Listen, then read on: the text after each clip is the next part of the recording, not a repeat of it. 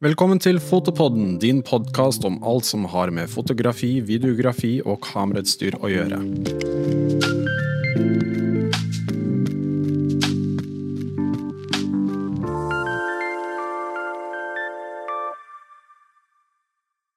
Et nytt år er omme. Erik Erik Farlund, vi er eh, nesten ferdig med 2021. Det er i dag Hvilken dato er det? 6. desember? Eller noe 3. 3. desember. Eh, Og det har jo eh, vært et eh, veldig spennende år på veldig mange måter. Kan man si? Det kan man si. Ja. Det har jo skjedd mye i verden, men det har også skjedd en del i kameraverden. Og det er det vi skal fokusere på i dag. Mm. Skal vi ta for oss alle de andre tingene som har skjedd i verden, så hadde vi sittet her en stund, tror jeg. Det syns jeg vi skal overlate til andre. Ja. Jeg tror det fins noen podkaster for det. Absolutt. De fleste andre podkaster Ja, faktisk. handler om akkurat det. akkurat. Så vi, vi skal snakke om eh, kameranyheter, hvilke kameraer som har kommet i år. Vi, vi kommer ikke til å snakke om absolutt alle kameraene som har kommet, det pleier å være en del, men vi tar for oss de store nyhetene. da. Eh, fra de største merkene. Ja. Og da er det vel kanskje greit å begynne med Cannon, da. Start med Canon. Ja. Takk for at jeg fikk komme i dag, forresten. Det er lenge siden sist. Jeg var redd du hadde glemt meg. Jeg har ikke glemt det, Erik. Nei, så bra. Du, du er bare ute og reiser hele tida. ja, det var jeg, ja. Søren. Ja. Uh, Canon uh, ja, Den store nyheten er jo R3. Det er jo ikke noe mer å diskutere, egentlig. Mm. R3 er uh, det nye Nei, de kaller det ikke flaggskip, fordi offisielt så er 1DX fortsatt flaggskipet til Canon. Ja. Men det er toppmodellen blant de speilløse. Og den konkurrerer jo helt i toppen mot toppmodellen til Sony og Nikon.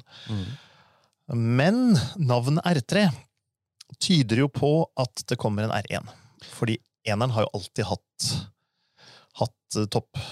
Mm. Altså vært toppen. Så R3, jeg tror det kommer en R1, men det er ikke det vi skal snakke om i dag. I dag skal vi snakke om R3.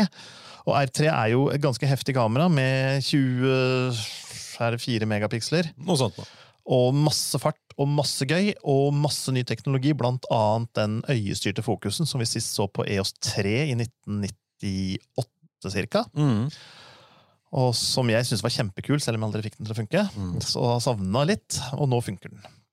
Ja, det sies den skal kalibreres til ditt øye, Mm. og den eh, blir sånn smartere når du kalibrerer den. da. Ja. Så skal den funke. Og den, den uh, Hvordan er det den funker sånn egentlig når du faktisk bruker den? Egentlig så er det noen uh, IR-sensorer i søkeren, så når du har øyet inntil, så kan den lese hvor du kikker.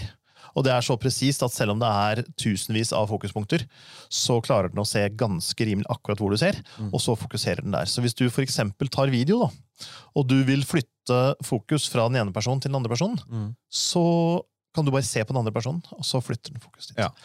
Og da skal du selvfølgelig være litt forsiktig med å ikke kikke rundt i, i hele bildet, for da kan det være en flytter eh, fokus deretter. Mm. Men du kan selvfølgelig skru den av også hvis du ikke bruker den. Men ja. til sitt bruk så er den helt fantastisk. Altså. Og det er veldig utmerket til eksempel hvis du driver med sportsfotografering, og du skal ta bilde av eh, folk som løper, eller eh, hvor det er veldig mange deltakere i Mm. sporten, Mm. så er det veldig fint å på en måte liksom eh, fokusere rett på der du vil. da. Ja. Og pluss at den tar 30 bilder i sekundet, så får du da plutselig veldig mange bilder av forskjellige deltakere i fokus på eh, veldig få sekunder. Mm.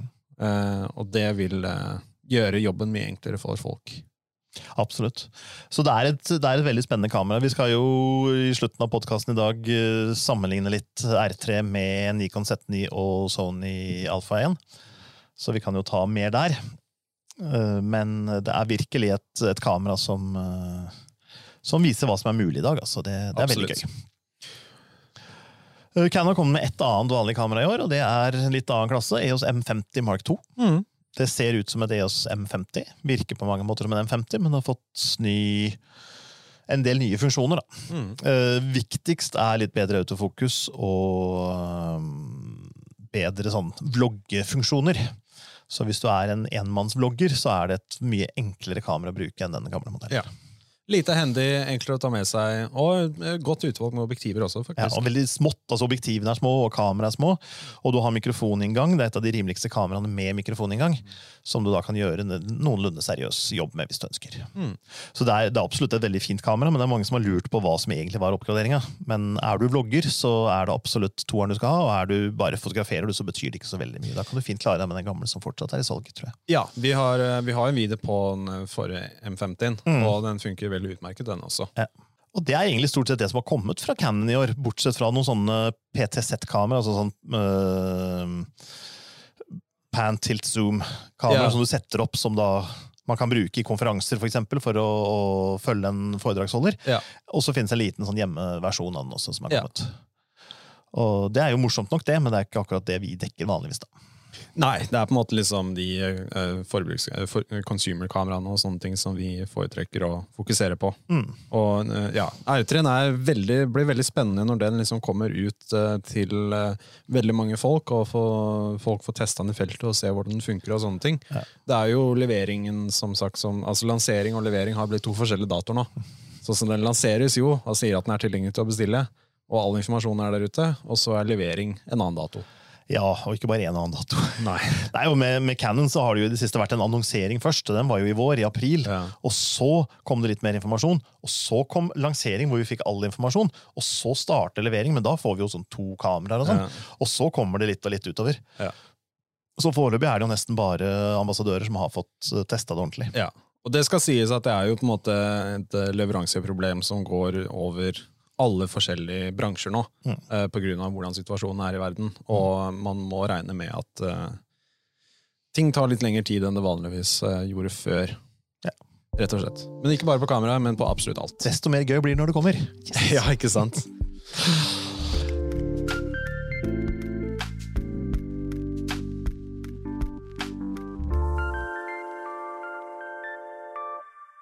Eh, Nikon Nikon, da? Nikon har kommet med omtrent like mange kameraer i år som Canon. Ja, ja, ja. Altså to. Men begge to er, er ganske fine. Ja, Det er det absolutt. Z9 er jo kongen. Mm. Det er jo en, egentlig en erstatning for D6. Så det er jo første speilløse toppmodellen fra Nikon. Og vi er veldig glad for Z9, fordi vi har venta på noe gøy fra Nikon en god stund. Ny teknologi fra Nikon en god stund. Og nå har vi fått det. Mm. Og det er veldig, veldig gøy. At de viser at de fortsatt kan. Z9 har 45 megapiksler. Ja. Kan ta 20 bilder i sekundet i den parta, eller i den oppløsninga. Går du ned på oppløsning til 11 megapiksler, så klarer den 120 bilder i sekundet. Mm. Den har vanvittige spesifikasjoner, egentlig, og alt ser veldig veldig bra ut. De som har testa autofokusen, skryter hemningsløst av den, men det er ingen som har gjort noe direkte sammenligning på en ferdig versjon av den mot en ferdig versjon av Canon R3 og Sony A1 ennå. Så vidt jeg har kunnet avgjøre, så vi vet ikke, men jeg vet ikke om de to prosentene forskjellen ene eller den andre veien på noen få typer motiver egentlig betyr noe. Jeg tror det er sabla bra på alle sammen uansett. Det er det absolutt. Det tror jeg også. Z9 er ikke det første, men det første proffkameraet i som kommer uten mekanisk lukker. Mm. Og det er ganske dristig grep, syns jeg. For det er jo to ting en mekanisk lukker gjør bedre enn en elektronisk lukker. og Det ene er å hindre lys som flimrer. For når lyset flimrer, så kan du få striper i bildet. Fordi en uh, CMOS-brikke leser ut linje for linje. Først den øverste, og så den andre, og så den tredje, og så fjerde. Og når man bruker tid på det, så kan lyset endre seg i løpet av utlesningstida. Og så får du lyse og mørke striper. Og det er ikke noe pent å se på. Nei. Og det andre er hvis du har noe som beveger seg fort. Uh, typisk er jo en golfspiller som slår kølla, eller en propell som går rundt, eller en Mm, vifte som mm. går rundt. Og det Golfkølla vil da normalt bli buet. For det vil være på et annet sted når den begynner å lese ut, enn når den slutter å lese ut. Og en propell vil jo ikke se ut som en propell overhodet på en tradisjonell brikke med elektronisk lukker. Men dette har eh, Nikon gjort noe med, og det går ganske fort. Jeg har ikke fått sett det. Jeg har sett det testa på Sony Alpha 1, og den skal Setning skal være litt raskere enn Sony Alpha 1. Ikke dramatisk, men lite grann. Og golfkøller blir helt rette.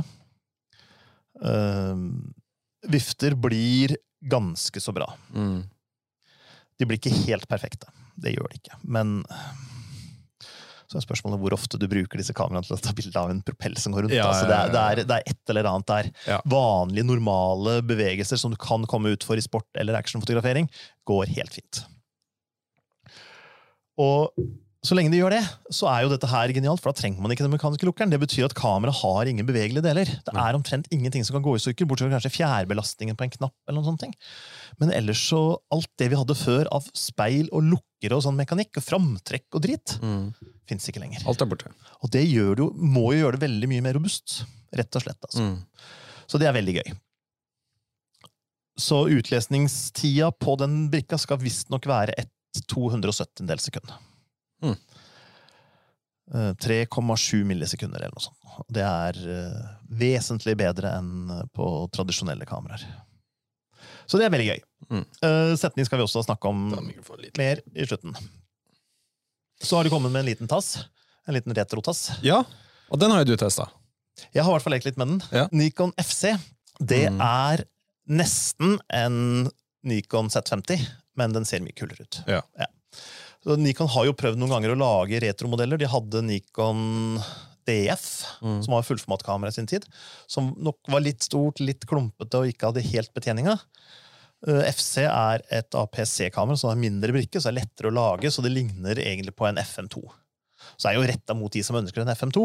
Og så er det nok kanskje noen som sier at nei, men FM2 den kjennes ikke ut som en FM2. Og det har de nok antagelig rett i, men den ser nok kul ut allikevel, syns jeg. Ja, ja, ja.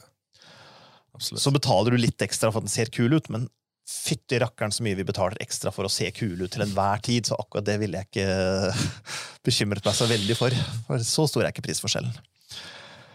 Eh, Kameraet har da mye hjul å vri på. Mm.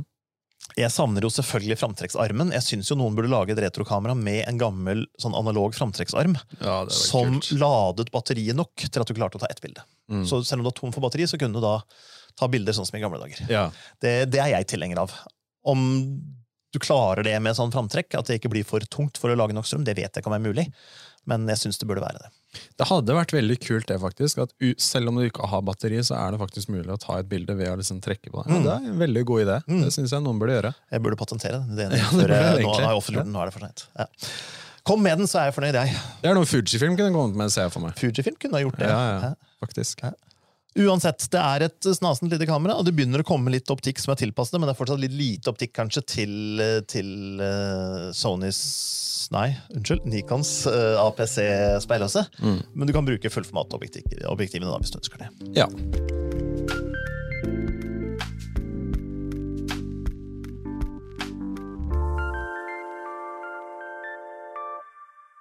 Da går vi over på Sony, og her har det kommet en del. De har jo gjort en del, ja. Ja. De har gjort like mye som de andre til sammen. Ja, de har to foregående til sammen. Ja, ja, De bare kjører på, de. Ja. Og mye gøy også.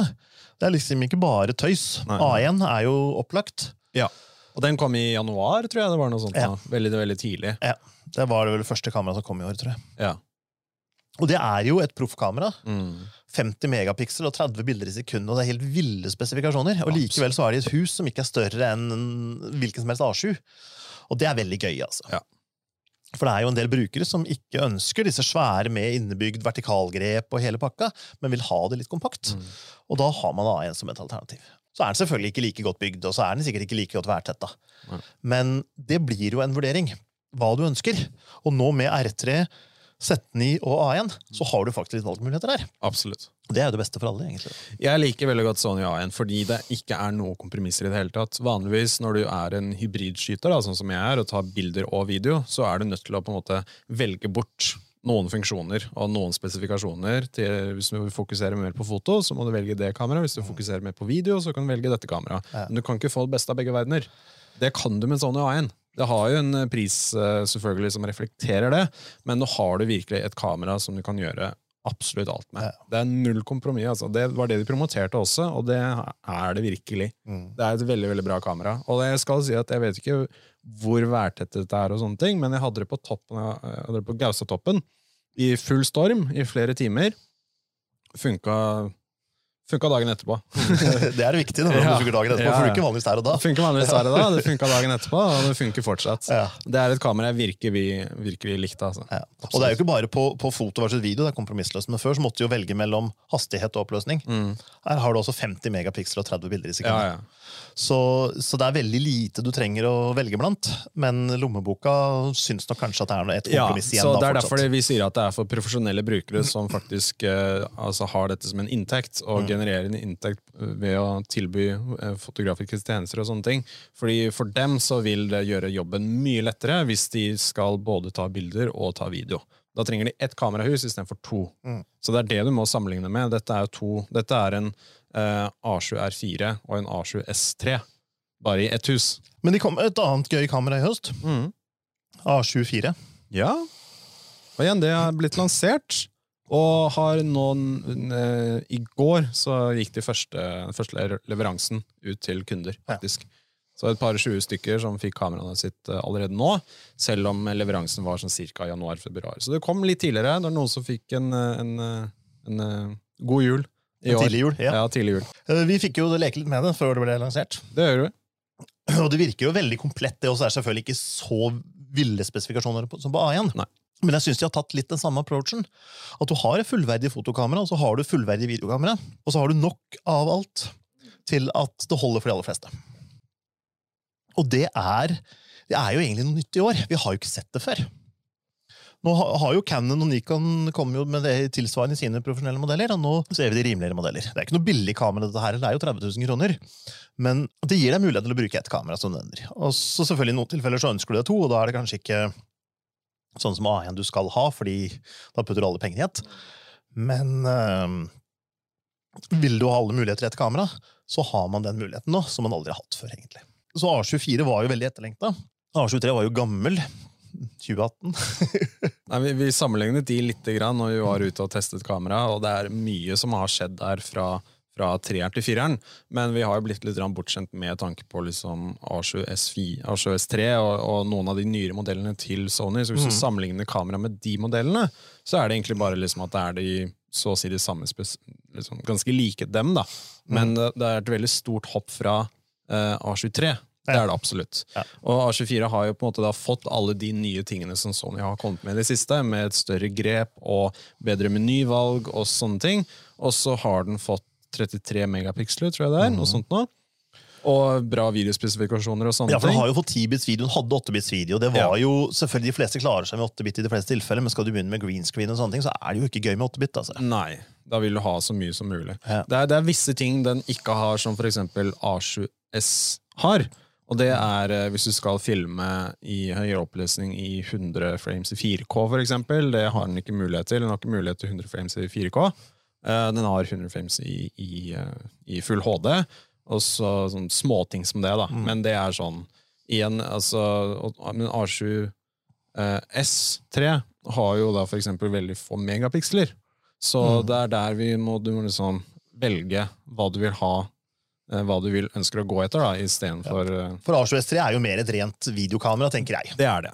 Altså, Vi har jo klart oss med 12 megapiksler på ett stillkamera i alle år. Ja, ja. Eller i hvert fall veldig mange av dem. Men, så det er ikke noe problem egentlig med 12 megapiksler, men i dag, så når standarden ligger på Ja. 24 ja. oppover Du bare forventer mer. Ja. Og det er egentlig sånn Jeg, jeg har jo brukt uh, A7-en til å ta mye bilder også, og det er jo på en måte Det funker jo for så vidt helt utmerket. Og du får jo veldig lite støy på bildene dine hvis du skal opp i ISO-en pga. at det er så få megapiksler. Mm. Uh, men det er på en måte når du sitter og redigerer, så har du ikke så mye å jobbe med sånn eh, Du får ikke beskåret mye. Nei, du får ikke beskåret mye, så det må du tenke på hvis du tenker på det når du tar bildene. Mm. At du må være veldig, du må være veldig nøyaktig på, på eh, komposisjonen din Mm. og på bildene du tar. Så du kan liksom ikke ta et bilde du har tatt i, i et uh, horisontalt og gjøre det vertikalt, på en måte, og kroppe inn og sånne ting. Det er ikke optimalt, så du må på en måte ta Hvert bilde må være liksom spesifikt til eh, det formatet du skal. Ja. Så du har ikke så mye jobb med det der, men det funker veldig veldig bra til eh, i hvert fall det jeg driver med, og hvis du skal bare gjøre ting på nett, og sånne ting, så er det et utmerket kamera både til video og foto. Mm. Men eh, A24 har liksom fått litt mer megapiksler, da. Det, det blir jo litt mer et allmennkamera til Ja. allment bruk. Absolutt. Og som er lettere å bruke til alt som måtte dukke opp, egentlig. Mm. For du trenger ikke ta disse hensynene. Jeg har lyst på et selv. Må vente litt, men jeg har lyst på et selv. Ja. Så har de en ZV-E10. og Det er jo en sånn pussig navnebetegnelse, syns jeg. For det er jo egentlig et A6000-seriekamera. På en måte, ja. På en måte som er tilpassa vlogging. Ja. Det er litt som det ZV-1, Ja. som er et slags RX 100-kamera tilpasset vlogging. ja. Men de har bare skifta navnekonvensjonen helt. Mm. Så det er mye samme Man kjenner ZV1, så, så er det veldig mye det samme. Man har altså mulighet for å få en uklar bakgrunn. Du har en, kan, du har en bokeh-knapp, du har så du trenger ikke å vite hvordan du får uskapt bakgrunn. og Nei. liksom med F-stopp og sånne ting. Du bare trykker på bouquet-knappen, så gjør eh, kameraet det for deg. Ja. Og du har en fokusfunksjon. Hvis du tar opp noe for å vise noe foran kamera, så fokuserer den automatisk på det, Mm. Ja. i stedet for på ansiktet ditt. Og det funker. Det funker. Ja. Så sånne ting som gjør kameraet veldig greit å bruke. Eh, og det er ganske rimelig modell også, egentlig. Absolutt. Så den er fin hvis du driver med vlogging. Hvis du ikke driver med vlogging, så er igjen de andre 6000 kameraene like så greie, men det koster ikke noe særlig mer, så jeg tror ikke du egentlig taper noe annet enn søkeren. Nei. Det er vel kanskje uten søker. Ja, og det ser man ikke noe særlig behov for egentlig til sånne type ting. Ikke til sånne type ting, nei. Men hvis du er ivrig fotograf, så vil du gjerne ha en søker. altså. Ja, ja. Men jeg har brukt eh, ZV1 en del. og mm. Det er jo aldri noe jeg har tenkt på i det hele tatt. Nei, for det blir jo veldig rent videobruk. Ja. Og det- er et kamera som eh, jeg likte veldig godt, fordi altså, det skrur seg på når du flipper skjermen. Ja. Au- Automatisk. ja, nettopp. Så det er liksom bare sånn, du flipper opp skjermen, og så kan du begynne med en gang. Ja, og Hvorfor ikke? det, alt er veldig automatisk på det. da. Du, flipp, du flipper ikke ut skjermen hvis du ikke skal bruke det. Så du kan jo like godt slå seg på. Ja. Det er ikke noe grunn til å ikke gjøre det. Nei, nei. Det er kjempebra. Men uh, ZV-E10 er jo på en måte da, ja, litt det samme kamera, bare at du kan eh, bytte objektiver. Mm. Og da kan du bruke alle de Sony E-fatning-objektivene som finnes der ute. og De er jo en enorm Wow. mengde av. Ja, både fra Sony og fra alle andre. Absolutt. Så på jukselappen min så har jeg også ført opp FX3. Ja, Og det er jo et rent videokamera. det er det. Um, men det er jo på en måte en A7S3 Ja, som du ikke tar et foto med. Ja, det er så å si identisk, bortsett fra utsiden har fått nytt design. Så hvis du ser for deg en A7 S3 med et cage, rett og slett. Mm. Innebygd cage med mulighet til å skru på masse forskjellige ting. Mer ting enn bare på, på skoen. Og da har du et par andre muligheter til å ta på ja, forskjellige ting, og du ikke trenger cagen, da har du Følger du Eh, ikke med i et sånt håndtak? Følger med et håndtak Ja. også, med, med to XLR-innganger. Ja. Som er veldig ikke nyttig. søker. Ikke noe søker. Nei. Og ellers er spesifikasjonene de samme. Du kan ta de samme videoene, de samme kvaliteten, og de samme objektivene og samme ja. Det er bare litt sånn eh, Ja, litt annen uh, utside, rett og slett. Mm. Litt mer spesifikt til profesjonelle videobrukere. Ja. Og det er et veldig populært kamera som uh, har uh, Jeg tror ikke vi har hatt det som hyllevare siden det kom, egentlig. Nei. Det, liksom, det går ut Med en gang vi får et par inn, så går de rett ut igjen. Ja. Og en ting Sony har gjort veldig riktig på alle disse, jeg har ikke sjekka på ZV10, men på alle de andre, er at de har en fullstørrelse HDMI-kontakt. Og det er Ja. det ikke så mange produsenter som har på de vanlige kameraene. De fleste har en mikro-HDMI, og det alle vet, det viktigste egenskapen med mikro-HDMI er at den går i stykker. Ja. Det er det første du legger merke til. Den eneste, eneste garantien den har, Ja. er at den går i stykker på et eller annet tidspunkt. Ja. Så hvis du bruker den delen med HDMI, enten til ekstern opptaker eller ekstern skjerm, så er det en annen verden å jobbe med en, en fullstørrelse HDMI, og det koster så lite å putte inn, så hvorfor i alle dager har ikke alle gjort det for lenge siden? Det, det jeg kunne savna, det jeg savna som kunne vært fint på FX3, var en SDI-inngang. Ja. Det hadde vært hyggelig. Men de vil nok selge litt dyrere modeller også. Ja, det må på FX6 og Ja. 9 og sånne ting. Ikke sant? De er jo, det er jo veldig ofte politikk i hva man putter inn i et kamera og hva man putter, ikke putter inn i et kamera. Det har ikke noe med kostnad, egentlig. Mm. Det har noe med hva differensierer du fra modellen over, og hva er det som gjør det mulig for oss å ta mer penger for modellen over. Og hadde man puttet alt inn i den rimelige, og tatt 250 kroner mer for den, så hadde det ikke vært noe marked kanskje for modellen over. Da, derfor så gjør man ikke sånn. Nei. Og så er det klart at vi som bruker kameraene, vi ønsker det også. Og, og veldig ofte får vi det. Så putter de noe mer heftig i den over, og da får vi noen av funksjonene ned i den billige modellen. Ja. Så neste versjon av den rimeligere modellen kan godt være får noen Ja, ja. av de tingene. Men uh, Eller at det kommer to forskjellige modeller. Ja. Det kan være en med HDMI og en med SDI, så må du velge hvilken du foretrekker. da. Canon gjør det på en del kameraer. Ja. Men aldri kunden alltid vil ha, for da kommer de ikke tilbake og kjøper neste versjon. Ikke sant?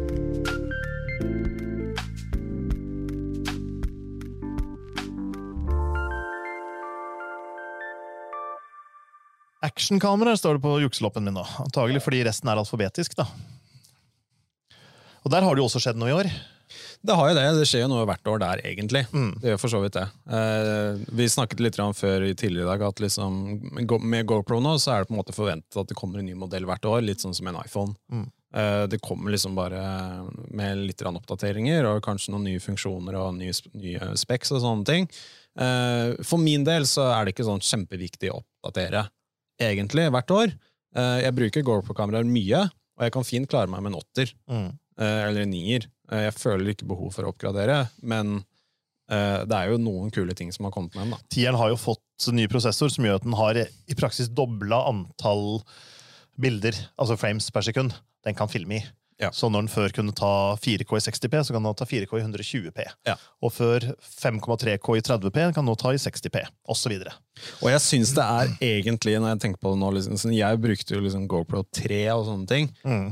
Altså, hvor utrolig mye de får putta inn den lille eh, kameraten der. Det er helt sykt. Det er det egentlig, altså. Det er altså 4K 120 frames i sekunder på en bitte liten eh, rabagatt som den der.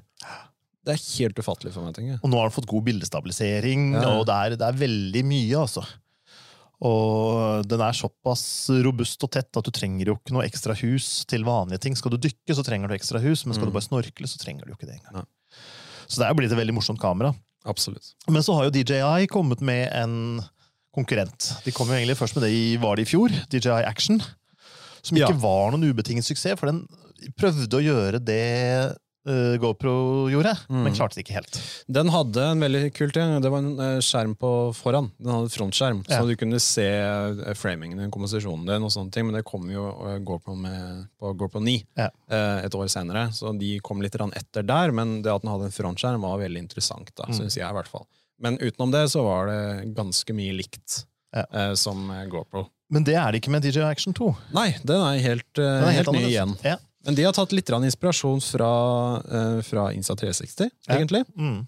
Eh, Insta360 hadde jo et lite kamera som eh, du kunne feste på et kjede som var magnetisk. Mm. Så du tok en sånn, et kjede på deg, og så var det en sånn magnet under, som du festa kameraet på brystet ditt. da. Som kjedet var liksom magnetisk og Mm. sånne ting. Så de har gjort det, og så er det et modulært kamera. Så du kjøper masse forskjellige smådeler, som en ekstra batteripakke, ekstra skjerm Det er liksom nesten som. Lego når man var liten. Ja, men det er litt det. Ja. Uh, og så bygger det opp uh, og, ned, basert på, på behovene dine, da, rett og slett. Og det er jo i utgangspunktet ganske smart. Det som bekymrer meg litt, er at de henger sammen med magneter, og så er det noen sånne klips på siden. Men hvor mye tåler de? Altså Ja. Hvis du fester dette her på en skitupp, og du tryner, har du fortsatt kamera etterpå? Setter du det på et surfebrett, og det kommer en brottsjø, jeg vet ikke hva det heter når du surfer.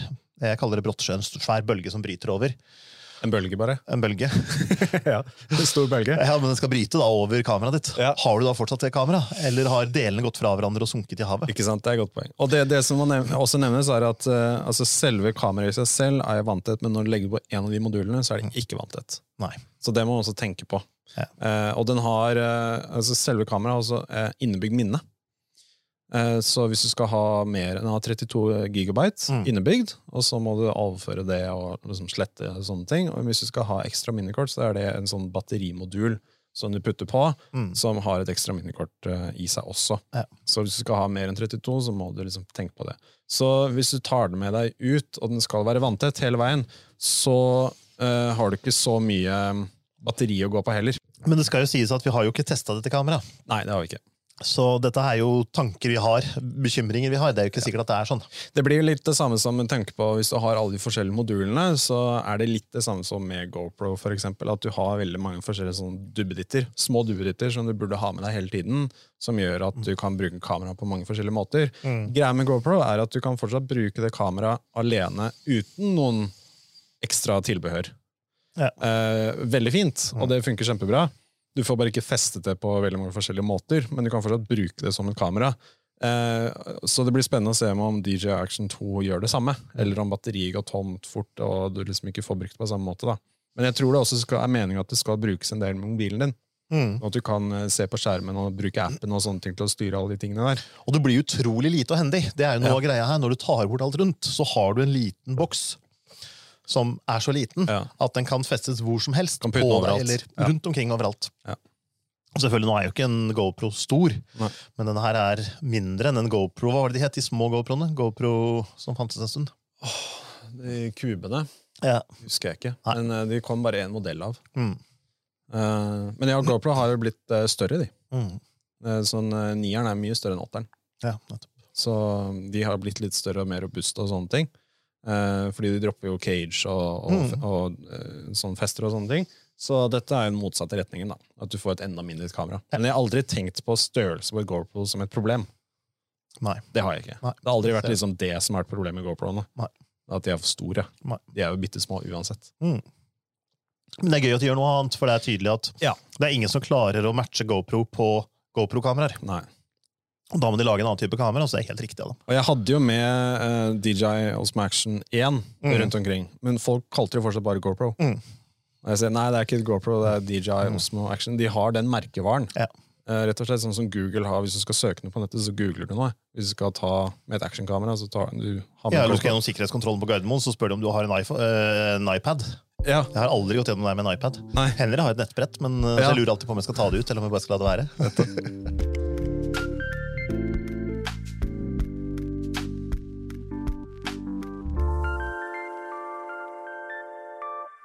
Fujifilm. Fujifilm, ja. Fujifilm har gjort morsomme ting i år. Mm. Og Da særlig på mellomformatområdet. Min favoritt, som noen kanskje har fått med seg, GFX 100S. Siden sist gang vi snakket om det, så har jeg vært på tur med det. Mm. Og det er altså Ja, hva skal jeg si? Det er ikke et actionkamera.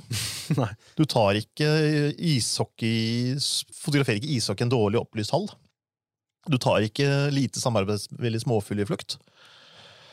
Men til det meste annet Mm. så er det altså et kamera som fungerer helt utmerket som kamera, og bildefilene er av en annen verden. Det er, eh, det er liksom Hasselblad H-serien og Face One du må sammenligne bildekvaliteten med. I et kamera som du faktisk kan bruke som et vanlig kamera du går rundt med. Og til en pris som er i samme størrelsesorden som mange av de nye vanlige fullformatkameraene. Så er det Utmerket. veldig, veldig veldig spennende kamera. Hvis du ikke skal ta action. Nå skal det jo sies at de de kan sammenlignes med i pris, er jo gjerne sportskameraer og, og sånn fugl i flukt-kameraer av fullformatkameraene. Så du får jo ikke både i pose og sekk. Nei. Men er det bildekvaliteten du er ute etter, så er det ingenting som overgår dette her. Og GFX 100S koster 65 000. Objektivene er ikke noe dyrere enn Canons objektiver til, til R-serien. Men de er litt større. Og er det for dyrt, så kom de også med en GFX 50 S2 i år, i høst. Som er, ser ut som GFX 100 S, samme huset, men det har samme bildebrikka som GFX 50 S, den første versjonen. Men den har prosessoren og alle disse andre tingene rundt til, til de nye tingene. Så du får ikke 16-bits farger, og du får ikke 100 megapiksler. Og du får ikke fem bilder i sekundet i skuddtakt. Men du får likevel en veldig, veldig fin bildefil Mm. I et kamera til 45 000 kroner, eller i kit til under 50 000 kroner. Med en zoom. Og det er veldig gunstig for et mellomformatkamera, altså. Absolutt. Så, så det er gøy at de satser der. Og de er jo nesten de eneste som satser i det segmentet. Hasselblad hadde jo noen konkurrenter, men det er ikke blitt så mye mer av. Pentax var jo først ute der, og de slutta jo med det. Eh, Leica har jo bevares, men eh, det er ikke den prisklassen, da. Nei. Det er, må jo gange med fem, og så legge på optikk. ja. Så, så det er veldig spennende, syns jeg. da. Og så er det ikke alle som skal ha det, men eh, for de som er gjør ting litt langsomt, men vil ha bildekvaliteten, så er det utrolig gøy. Så det er de to viktigste fra Fujifilm. Og så har du kommet med lite XE4, som er sånn nesten lommekamera. Mm. Det er litt som X100V, bare at du kan bytte objektiver. Og så har du ikke helt den kule søkeren, og så er det ikke fullt så kult. Men det er eh, lite, og det er ganske snasent. Og det jo, det har jo samme bildekvaliteten som de mye dyrere kameraene. Det koster 10 000 kroner for huset. Så det er veldig, veldig hendig og, og mye kamera for pengene. altså. Absolutt. Det er det. Og så venter vi på spennende ting der neste år, men det gjør vi kanskje på alle merker. så det trenger vi ikke gå inn på. Nei, jeg vet ikke helt hva som er ryktene der. jeg. Og masse rykter. Det bør vi jo egentlig snakke om på nyåret, når det kommer, eh, Ja. hva kommer i, i år. Vi tar det som en egen episode. Ja, Gled dere til det.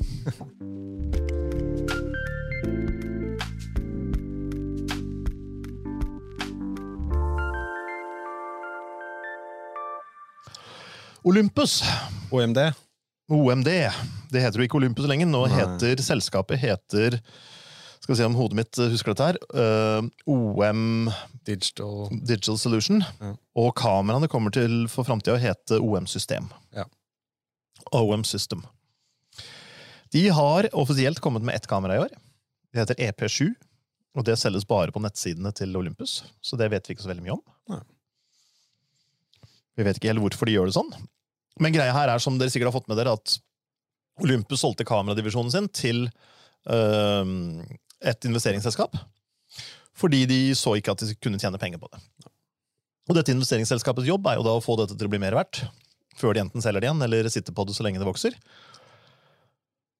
Og da vet man jo aldri hva som skjer. Men jeg kan ikke se at det er noen grunn til at de skulle gjøre noe annet enn å prøve å få det til å bli mer verdt. Og da må de jo komme med noe kult. Og de har lovet kule ting til neste år. Så det håper vi kommer. I år har de stort sett bytta navn. Og kommet med et kamera som eh, vi ikke helt ser hva gjør. Men eh, og ikke har vi fått prøve det, og ikke har vi fått selge det. Så det vet vi ikke så mye om. Vi venter i spenning. Panasonic, hva skal vi si om dem i år? De har jo mye vært og levert lite. Ja, de har jo vært for så vidt ganske stille, egentlig. De hadde jo eh, i De hadde et godt år for ikke så lenge siden med liksom fullformat og, og seriene sine og sånne ting. Men på Micro Four Thirds, der, de- der de er veldig veldig flinke, så har de vært litt stille. Bortsett fra GH5 2. Ja. De annonserte GH52 og GH6. Ja. Så har de begynt å levere GH52, og så har vi ikke hørt noe mer om GH6. GH52 er Ja, du kan jo si litt om det, du, kanskje? Eh, For så vidt egentlig ikke, men det har jo på en måte kommet eh, en del eh, eh, løsninger som gjør det litt enklere å jobbe med med tanke på streaming og sånne ting. Da, det som de fleste har eh, måttet bli tvunget til å eh, sette seg inn i Ja. eh, de siste to årene. Så du har mulighet til å strømme video rett på sosiale medier hvis du har en wifi-kobling. Ja. Eh, Det er litt sånn det er greie som må settes opp. Så vidt jeg har forstått, at du må faktisk skrive inn sånn streaming key og liksom sette alt opp på en PC først, og så putte all informasjon på et minnekort, som da går inn i kamera, og så er det mulighet. Så det er basically at du kan strømme rett fra kamera uten å ha det kobla til PC-en. Mm. Det er på en måte det det gjør. Eller kobla til en eller annen boks som gjør det, så du kan gå ut i verden egentlig og filme, men samtidig strømme det. Ja. Eh, Du kan jo strømme via mobiltelefon, kan du ikke det? Jo, du kan jo for så vidt det også. Jeg kan være ute i feltet og bruke mobildata fra, fra mobilen, Mm. og få den informasjonen fra noen, Mm. og så putte det inn i kamera. Og så kan de få det på sin PC, og de kan sitte hvor som helst. Ja. Og så kan de trykke Så go live. gå live. Så Ja. jeg kan ha de på øret på mobilen Ja. og sier sånn ok, nå er vi live. Ja, men du er Fra ikke et av enmannsshow, da. Nei. Nei. eh, Antagelig. For så vidt ikke. Nei. Og jeg, eh, personlig så er jeg litt skeptisk til alle eh, Altså alle koblinger og sånne ting som ikke er kablet når du skal gå lives, ha livesendinger. Hvis du kobler til wifi, så er det Kan det være ustabile områder, da. Mm. Så jeg er litt skeptisk til sånne ting. Eh, Jeg foretrekker da at det er kablet. Mm. Så da vet jeg også på en måte hvor feilen er, hvis det er noe som ikke funker. Ja. Så vet jeg at denne kabelen sitter ikke ordentlig i, eller noen sånne ting. Og jeg vet at det er en veldig stabil eh, kontakt hele veien. Men skal du ut i skogen og, og filme kloregnageren i paringstida, så er det ikke sikkert du får det kabla. Altså. Nei, jeg det er kan ikke love deg det uansett hvordan du vrir og vender på det. Så hvis du, er, ja, hvis, du, hvis du er i sånne tilfeller hvor du skal være live på den måten, så er det et veldig veldig kult kamera å bruke og teste ut på sånne ting. Da. Og det er i hvert fall en funksjon som er veldig velkommen. Det skal sies. Ja, absolutt. Det blir jo mer og mer av strømming, så strømming må jo få en eller annen smooth, direkte variant, Ja. tenker jeg. Og da er dette her begynnelsen på det. Absolutt. Men GH6, hva var det som skjedde med GH6? De sa, og så kommer GH6 til høsten, sa de, og så har vi ikke hørt noe mer. Og nå er det desember, og det skal være helt fantastisk, og supre spesifikasjoner. Det må de jo ha, for det er jo arvtakeren til GH5 som var en dundrende suksess. Ja. Jeg tror de sliter med å få det til, jeg. De har, lovet, det. de har lovet for mye. Ja, ikke nødvendigvis lovet for mye, men lovet mye. Ja. Ja. Eh, For de kan ikke love så mye mindre, for da er det ikke et interessant kamera. Men jeg tror rett og slett de trenger litt mer tid. Det er min teori, da. Og at det kommer til våren. Mm. For nå begynner å lansere noe oppunder jul Jeg vet ikke. Altså Panasonic lanserer jo ting i juli også, de som man vet aldri med dem. Nei. Men øhm, Men øh, det Nei, vi ble jo lovet eh, før 2021 var ferdig. Mm. Det er jo fortsatt litt tid. Ja, ja, ja, de har, de har absolutt tid på seg, men Mm. det er nok bedre å lansere ting til CS-messa i januar Ja. enn det er å lansere det i romjula. Kanskje de skulle spare det til IBC, egentlig, i Amsterdam, som ble avlyst. Ja, nei, Det er vanskelig å vite, for de vil jo ikke si noe offisielt, men, øh, men de jobber med det, er det siste jeg har hørt. Men de har laget noen små, morsomme sånne boksvideokameraer. Ja. Uh, si litt om det. Det kom jo en BG1H som hadde en Micro Four Thirds-brikke, som Mm. kom vel i fjor, tror jeg. Som var en sånn liten, Bitte liten en. bitte liten en med en Micro Four Thirds-fatning, og veldig lite ekstra. Ja. Men så kom de med en ny en nå, Ja, som er fullformat. som er akkurat like liten, men er fullformat. Det er kjempekult, egentlig. Ja, ja. At den, De har fått til kjølinga, de har fått til størrelsen, de har fått til alt i samme størrelsen, Ja. men da med en mye større fatning og mye større bildebrikke. Fordi de har jo, etter at uh, SNH og SN og den serien her kommet, så har de kommet med masse objektiver som er til fullformat. Så Mm. de vil jo sikkert få at du vil få nytte av dem også, på de boksekameraene deres. Ja, og ikke bare dem, men hele L-Mount Alliance. Sigma og Leica har også masse objektiver som passer til dette her. Absolutt. Men hva bruker man sånn boksekamera til? Det, Det er jo mer sånn broadcasting-kamera, sånn studiokamera og sånne ting, hvor du eh, eh, vil ha det veldig lite hvis du kan, og så kan du bygge ut hvis du trenger. Ja. Det er på en måte det det er. Så det er jo profesjonelle eh, videokameraer, dette her, til, ja, til den proffe video, videografen, Mm. og også til studiokameraer og sånne ting. Da. Så det er på en måte til det bruket som eh, de, de, de er tilpasset til Ja, rett og slett. Så jeg, jeg har ikke testa dem så mye, men eh, jeg har liksom sett, sett, bare sett dem litt, og spesifikasjonene og sånne ting. Det er på en måte det de er gode for. At de Mm. leverer veldig veldig høy oppløsning, og du får eh, liksom 5,9K, og du får også 14 stopp eh, dynamisk omfang, tydeligvis, og så får du også raw og ProRes eh, via en HDMI-port. Ja. Så du får en del sånne ting, da. Og det er på en måte det de kameraene er. Mm. Nå har jeg ikke noe skjerm, ingenting, så du må på en måte koble alt til. Alt må kobles til. Ja. Alt må kobles til, eh, men du trenger ikke å gjøre det. Da. Så hvis du vil putte den på en gimbal, for eksempel, og få den Mm. kvaliteten, putte den på en hjelm hvis du skal filme noen hoppe ut av et fly, for eksempel, Mm. så er det liksom de kameraene som leverer den like høy kvalitet som eh, de hovedkameraene du bruker. da. Ja. Crashcams er det noen som kaller dem også. Ja, ja, nettopp. Så hvis du skal liksom kjøre en bil utfor, uh, utfor et stup, Mm. og du må feste et eller annet kamera på et panser, men du vil ikke feste ditt eh, liksom Ari Alexa på, Nei, på panseret, så kan du ta en av disse boksekameraene. Ja. Og kanskje putte det inn i en liten sånn beskyttelsesetui, eller noen sånne ting. Mm. men de er veldig små. Ja. Det er liksom det som er litt kult med den. da.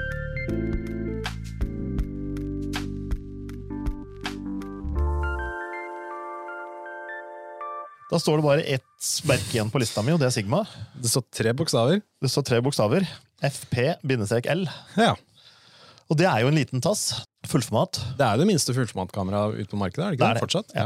FPL har 61 megapiksler. Det er også mye videoretta, for det kommer uten søker, og du kan kjøpe til en masse ting å sette på. Mm. Men sånn i utgangspunktet så er det veldig lite og kompakt og hendig. Tar eh, L-objektiver, som Panasonicene gjør. Fullformat Panasonicene. Og kan bygges ut til alt mulig rart. Men det er veldig veldig lite utgangspunkt. Så det er litt samme filosofien egentlig som de Mm. Vi nevnte. Men litt mer uh, brukerretta, da, egentlig. Så det var det. Men det vi egentlig skulle snakke om i dag, Ja. det var jo hva skiller Z9 R3 og A1. ja. For det er det som er litt gøy. Det er det som har vært de spennende kameraene i år. Det andre er jo bare fyll. Nei, altså, det er jo ikke, det er jo ikke Z9 R3 og A1 som står for volumene. Det er ikke det som selger flest eksemplarer. Men det er jo det alle er opptatt av. Mm. Det er ikke så rart. Ingen er opptatt av en Lada, alle er opptatt av Porschene. Ja, ja, ja. Men det er ingen som kjøper Porsche, man kjøper Lada. Eller det er Ja. ingen som kjøper Lada lenger. Men sånn var det i hvert fall før. Uansett, det er tre kameraer, det er tre forskjellige kameraer, men de retter seg mye mot samme brukerne. Og hva er det som eh, Ja, hva er best? ja, ikke sant? Det er det evige spørsmålet. Hva er det beste kameraet? Ja. Og det er det spørsmålet vi får veldig veldig ofte. Hva er det beste kameraet, Erik? Ja. Hva er det beste kameraet? Og det er det jeg har. Ja. Til enhver tid. Uansett. Ja. For jeg har putta penger i, og da skal jeg ha meg frabedt at noen kommer og påstår at det ikke er det beste. Da blir jeg sur. Du vil bare få bekreftet at det du har, er det beste. Du vil ikke høre noe annet. Nei. Så det var egentlig det vi skulle si. Nei, Det er tre forskjellige kameraer. Det ene, Canon har lavere oppløsning enn de andre. Nikon har litt lavere hastighet på høyeste oppløsning enn de andre. Uh, Sonyen er litt mindre og antagelig litt svakere bygd enn de andre. Mm. Og alle har sine fordeler og ulemper. Mm. Det er vanskelig før man har testa dem å si veldig nøye. Men eh, det ligger jo en del YouTube-videoer der ute hvor folk har gått gjennom kameraene og sammenlignet noen av dem. og alle, De fleste av dem har ikke testa så mange av dem.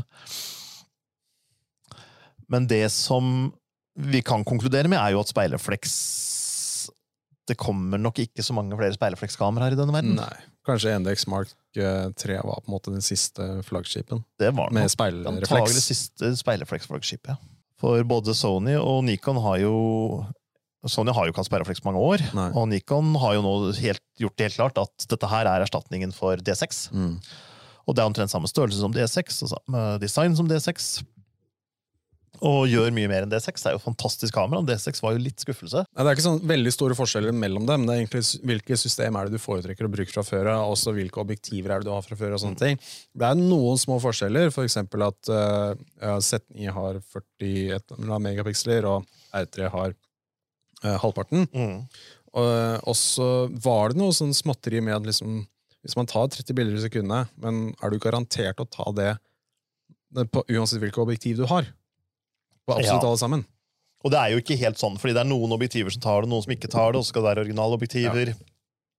Og du har en del av de tingene der. Men det er jo klart at det som avgjør her, er jo hvilket system har du fra før. Ja. Har du investert 300 000 kroner i objektiver, så bytter du ikke bare system fordi det kommer et kamera som har 2 bedre på et eller annet. Nei. Da skal det være noe fundamentalt som sier at nå har jeg prøvd dette systemet i åtte år, og ennå har jeg ikke klart å levere det jeg trenger. Mm. Nå skifter jeg system. Ja.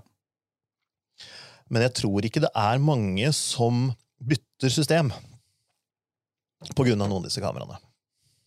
Jeg tror Nikon har klart å stoppe lekkasjen. For de har nok blødd en del til Sony og Mm. Canon de siste par åra. I hvert fall etter at Canon R5 kom. Men det tror jeg ikke de trenger å gjøre blant proffer lenger. Gitt at de får levert store proffobjektiver. For der, der mangler de kanskje litt. Og der ligger Sony veldig langt foran. Mm. Fordelen til Canon og Nikon der er jo at du kan med en adapter bruke de gamle objektivene. Og da har de jo et uendelig stort utvalg, egentlig. Og de objektivene er jo ikke noe dårligere enn det de var før. Det er bare det at de nye objektivene er enda mye bedre. Så du vil ha de nye, men du kan fint i en overgang bruke de gamle. Ja, ja.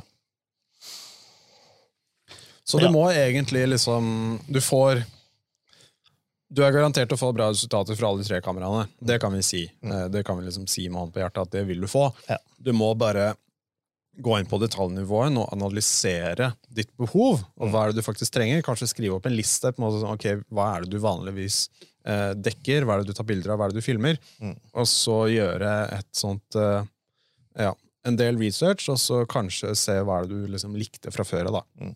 Noen liker, eh, er veldig glad i Nikon-filene, bildene Nikon produserer, fargene Nikon produserer.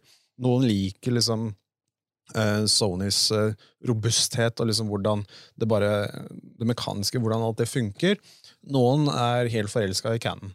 Så det er eh, pluss og minus med alle kameraene, og du må egentlig bare se liksom, hva er det du trenger til slutt, og hva er ditt behov, og uh, hva er det du ønsker å gå for. Og da er vi jo inne på, på kompromissen igjen. For det er, selv om vi sa noe annet i stad, så er det egentlig ganske mange kompromisser igjen på alle kameraene. Mm. Og da må du finne hvilke kompromisser er det som passer deg best. Ja. For alle kameraene har sine fordeler, og jeg syns det er litt morsomt av til å sammenligne Sony og Nikon, fordi Nikon er så tydelig laget for fotografer, og er et, det er tydelig et, et fotoselskap. da. Mm. Så de fokuserer veldig på betjening, grensesnitt, at det her skal funke og skal ligge i fingrene. Sony er mye mer en elektronikkleverandør og er fantastisk flinke til å putte utrolig mye rart inn i kameraene. Men jeg syns det skorter litt ofte på ergonomien. Ja, ja. De har fått mye skjett for det før. Mm. Så, så hvis Sony og Nikon kunne inngå et samarbeid der, kunne putte all Sony kule duppedingsene inn i et kamera som ligger godt i hånda og har knappene der de skal være, så tror jeg det kan bli bra. En eh, collaboration. Mm. Rett og slett. Det tror jeg aldri kommer til å skje, men det er gøy å se. Noen vil jo kalle det for Canon. ja. At det er der de er, for de har ganske, putter ganske mye gøy inn i kameraene sine, og det funker ganske bra sånn Ja, ergonomisk. Ja. Canon har nå fått støtte for XLR-adapter ja, det i er sant. Det er helt nytt. Det er nytt derfra, og det har vi savna lenge. Mm. Det har fortsatt ikke Nikon, men Sony har jo hatt det i årevis. Mm. Så det er jaggu på tide at de får, men det tror jeg også er en sånn politisk greie, at de ville at folk skulle kjøpe videokameraene. Ja. Men nå er eh, da R3 blitt så dyr at nå kan de putte inn der allikevel. Ja, det burde være der, altså. Sony har det jo på alle modellene sine. Ja. Du kan du kjøpe en A7C og putte på en XLR-adapter.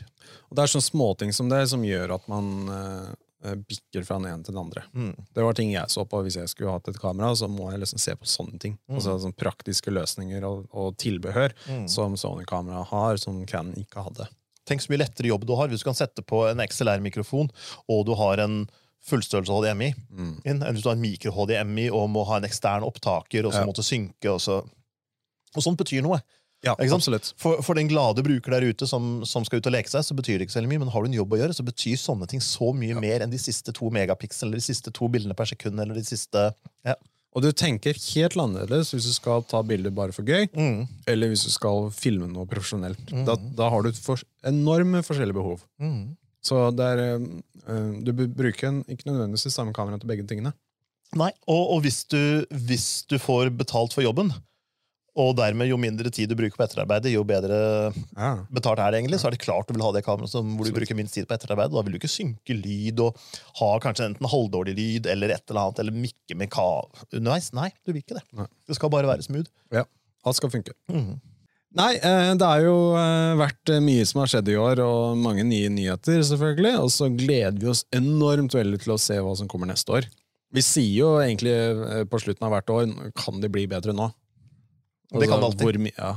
Nå får de jaggu se å bli litt bedre. Nei, men Det har vært ganske få kameraer i år. Ja. Men de kameraene som har kommet, er jo, det har kommet tre fantastiske toppmodeller. Og det er jo fordi det øh, skulle være, eller var, OL i år. Mm. Og av andre modeller så har det vært litt sånn Litt slapt. Mm. Men det er jo de toppmodellene vi syns er mest spennende, så det, vi klager egentlig ikke. Det er de som er morsomme å se på. Det er de som driver teknologien videre, og det er de som driver veldig mye videre. Ja. Og det er de som driver utvikling av objektiver videre, osv. Det var mange videre. ok. Eh, Så, så sånt er mest gøy. Ja, er Så vi gleder oss veldig til vi får fikla med noe av dette her. Mm. Og testa det, kanskje sammenligna litt, men det er ganske vanskelig å sammenligne også, for det er når det blir så likt og det blir så bra. Og du kan jo ikke stå med en Z9 og en R3 og sammenligne autofokusen på en, for en fotballkamp eller en ishockeykamp, eller sånt, fordi du får ikke gjort det samtidig. Dermed så er det veldig vanskelig å, Mm. å si nøyaktig. Men eh, jeg tror ikke det er dårlig, noen av dem. Nei, det er, det. det er jo ikke det. Så ta det du vil ha, eller kjøp en av hver. Det er det aller beste.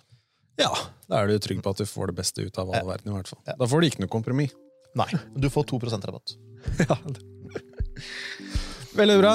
Da tar vi helg og takk for oss, og så ser vi, ses vi eh, neste år. Ja, jeg ser kanskje jeg føler det til med. Ja, Det er godt mulig. Jeg veit aldri. Jeg Vet aldri hva som skjer.